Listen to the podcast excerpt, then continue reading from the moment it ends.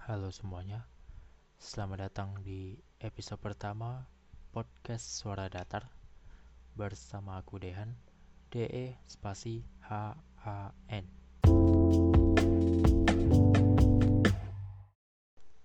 Apa kabar semuanya? Semoga kalian tetap baik-baik saja.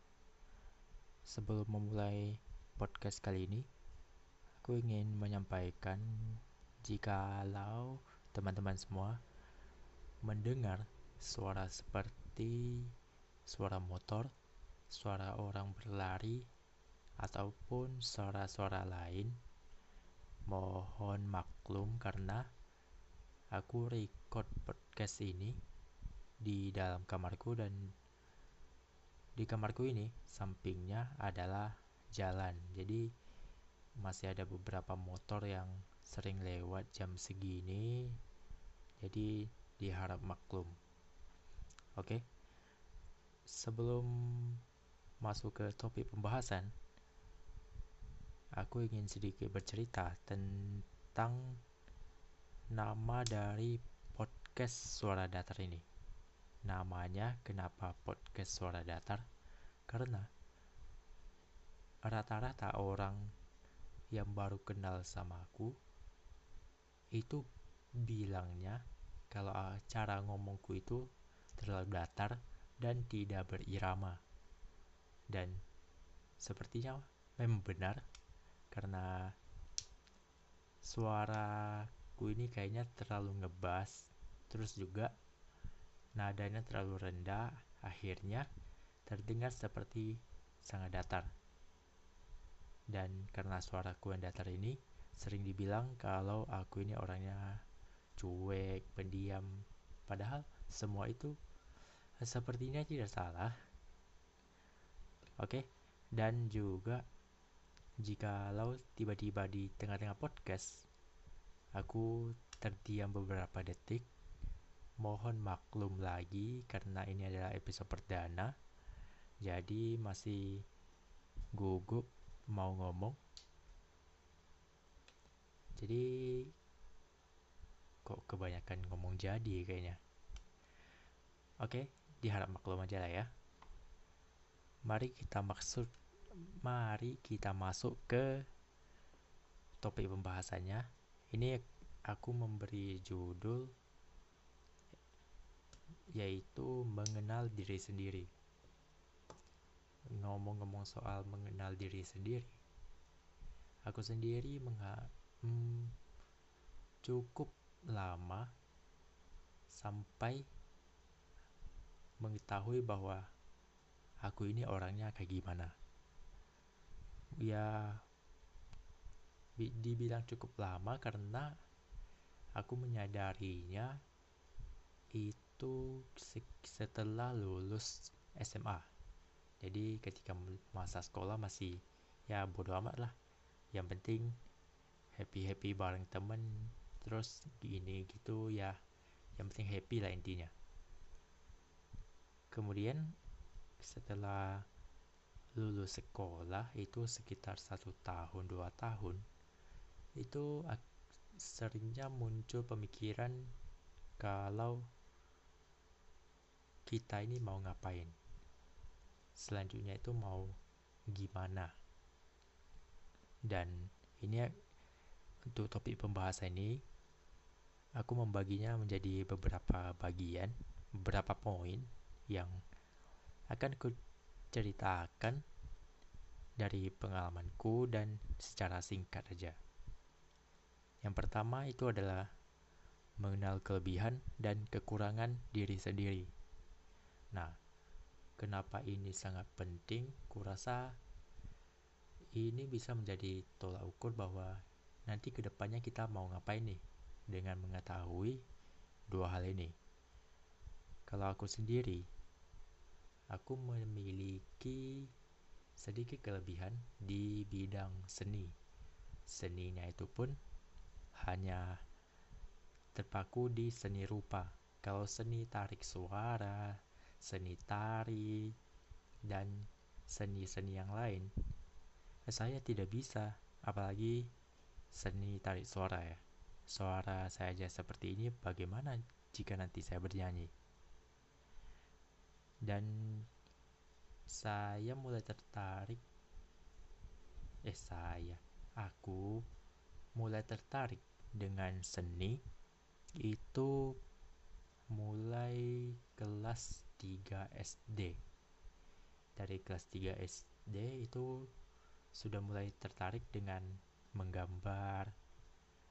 Kemudian lanjut ke SMP. Di SMP baru mengenal yang namanya eh, seni rupa yang selain dari menggambar. Itu seperti membuat kerajinan tangan atau apa pun itu.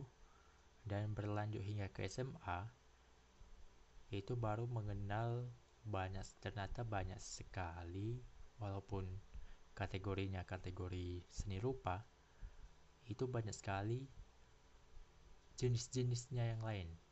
Seperti yang pernah aku coba ketika SMA itu ada paper cutting seni memotong kertas. Kemudian aku juga sempat mencoba yang namanya uh, kirigami. Kalau kirigami mirip seperti paper cutting hanya saja uh, karena kirigami ini asalnya dari Jepang jadi lebih banyak detail-detail kalau saat memotong. Kemudian dari kirigami atau paper cuttingnya itu berkembang menjadi pop up paper cutting. Jadi udah dipotong-potong itu ntar kalau dilipat dia bisa menjadi seperti bangunan. Kira-kira seperti itu. Baru setelah lulus dari SMA itu mengenal uh, seni yang lain dan yang baru-baru ini adalah seni paper killing. Paper killing itu adalah seni menggulung kertas. Oke, okay? uh, eh, kemudian mari kita lihat dari sisi kekurangannya. Nah, kekurangannya itu yang seperti tadi aku sebutin, kalau aku itu tidak bisa atau tidak ada basic di bidang seni yang lain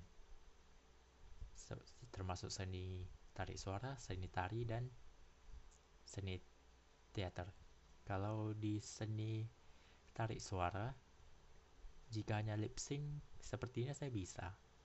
Tapi kalau bernyanyi langsung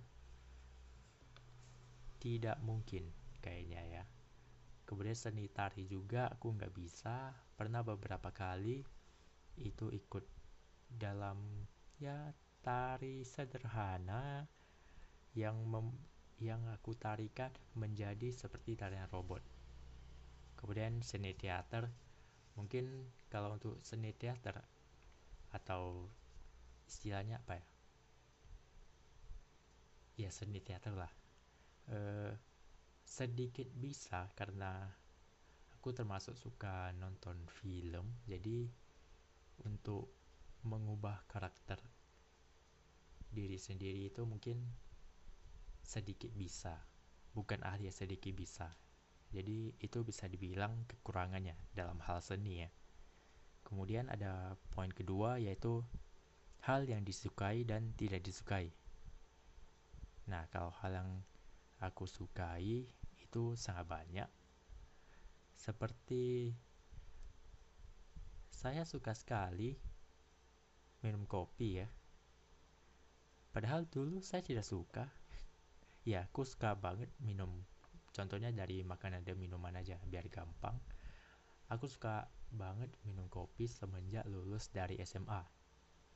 Karena setelah lulus SMA, itu aku kebanyakan bergadang, jadi sepertinya kopi adalah teman yang baik untuk menemani saya bergadang. Dan kalau dalam hal makanan dan minuman yang tidak aku sukai, itu sepertinya sangat banyak. Terutama dalam hal minuman, aku itu nggak suka minum uh, sesuatu yang mengandung terlalu banyak susu. Gak tahu kenapa sih, cuman nggak suka aja. Nah, bisa contoh yang lain seperti hal yang disukai aku suka hal-hal kalau dalam pelajaran itu aku sangat suka pelajaran sosiologi dan seni. Dan yang paling tidak aku sukai itu adalah pelajaran matematika. Ngomong-ngomong waktu SMA aku itu IPS kenapa aku masuk ke IPS karena saya tidak bisa pelajaran fisika. Nah tidak bisa pelajaran fisika dan matematika jadi masuknya ke IPS karena berkurang 50% hanya tersisa matematika di IPS. Tapi ada alasan lainnya itu aku sangat suka sama pelajaran sosiologi. Dan kenapa waktu padahal waktu SMP matematika itu bisa jadi mata salah satu mata pelajaran favoritku. Cuman ketika sudah SMA rasanya dengan kehadiran huruf X dan Y membuat saya jadi tidak ngerti dengan pelajaran matematika. Dari kelas 1 sampai kelas 3 kayaknya yang ku ingat cuma panjang kali lebar aja sih. Nah kemudian poin yang ketiga adalah mengetahui watak diri sendiri Nah, kalau mengetahui watak diri sendiri, salah satunya adalah uh, aku ini adalah orang yang jarang emosi untuk sekarang ya. Kalau dulu waktu masa-masa baru puber itu seperti jiwa muda bergejolak. Kalau dikit aja kesal udah wah marah-marah. Cuman akhir-akhir ini beberapa tahun belakangan aku mikirnya kalau jika emosi itu sangat menguras tenaga dan pikiran, tenaga ya juga. Terus jika kita meng apa memberikan waktu diri kita untuk merasa emosi sepertinya sangat disayangkan waktunya itu. Dan juga cuman jarang emosi bukan berarti tidak pernah emosi atau marah. Sesekali marah itu paling satu tahun sekitar satu kali atau dua kali aja sih. Dan kemudian poin yang keempat adalah aku ingin menjadi orang yang seperti apa. Nah dari yang ketiga di atas ini ya ingat-ingat aja yang tiga di atas tadi.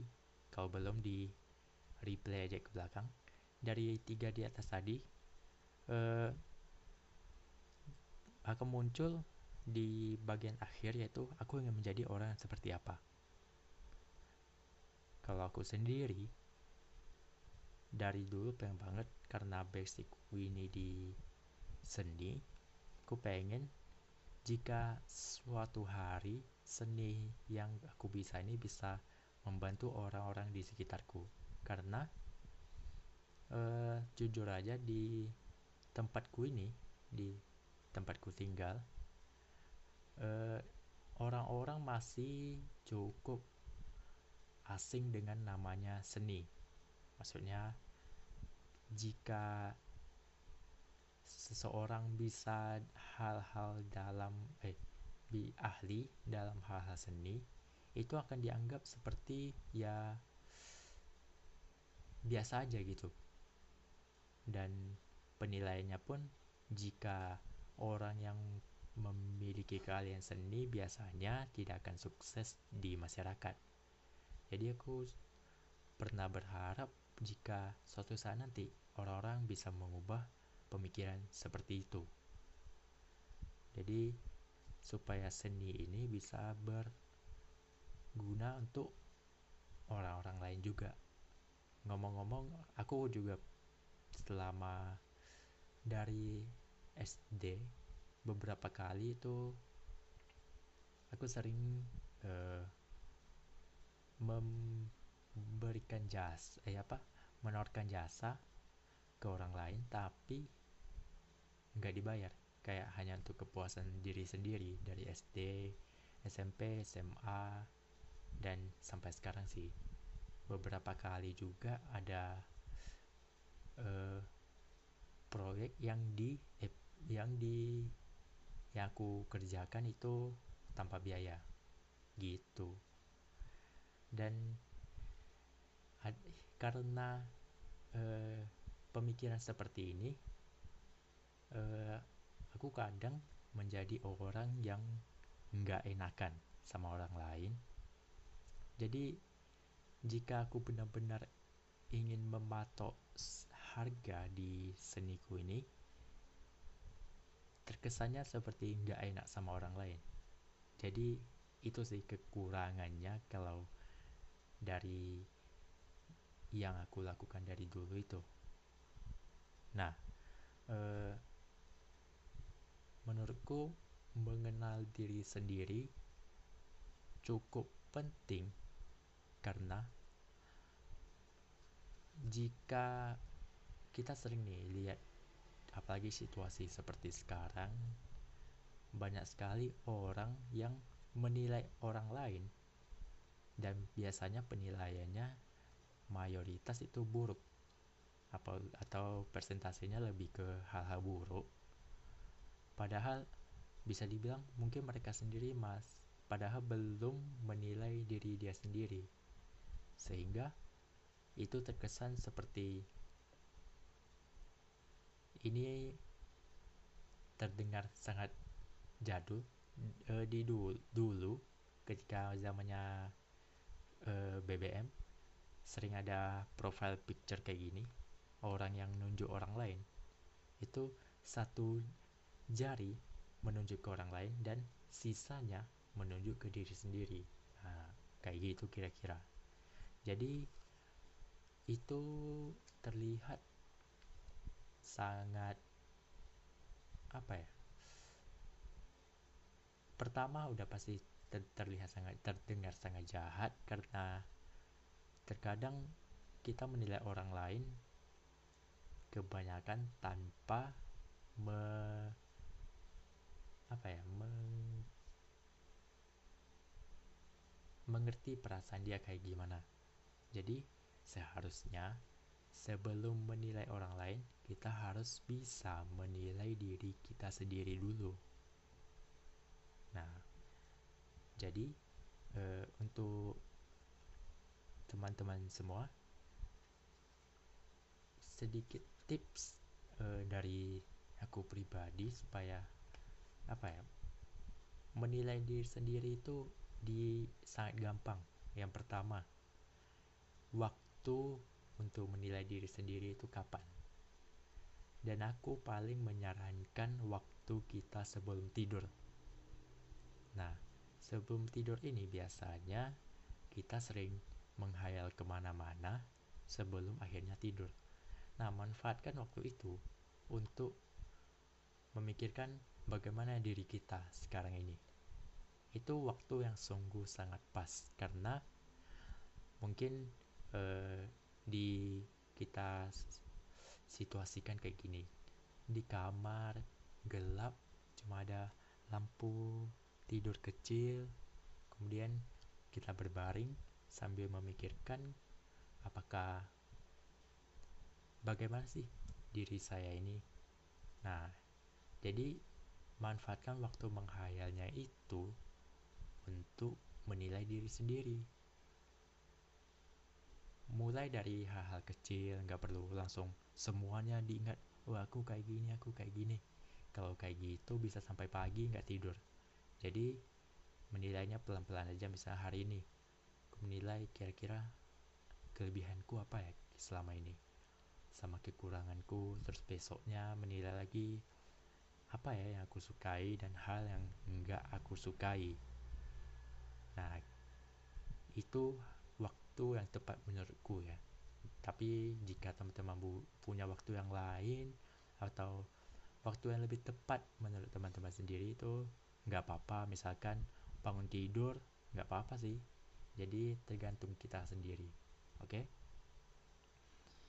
oke okay, uh, eh, sekian untuk episode pertama dari podcast kali ini. Podcastnya mungkin terdengar sangat datar dan aku sering bingung dari tadi ngomongnya, jadi harap maklum. Di setiap akhir podcast, aku bakalan kasih quotes dari orang-orang uh, orang-orang ternama maupun orang-orang di sekitar atau yang pernah aku tahu yang berkaitan dengan topik yang kubawa hari ini. Jadi untuk quotes penutup episode pertama ini adalah mengenal diri sendiri adalah awal dari semua kearifan. Aristoteles. Oke. Sampai jumpa di podcast Suara Datar berikutnya dan tetaplah baik-baik saja. Bye bye.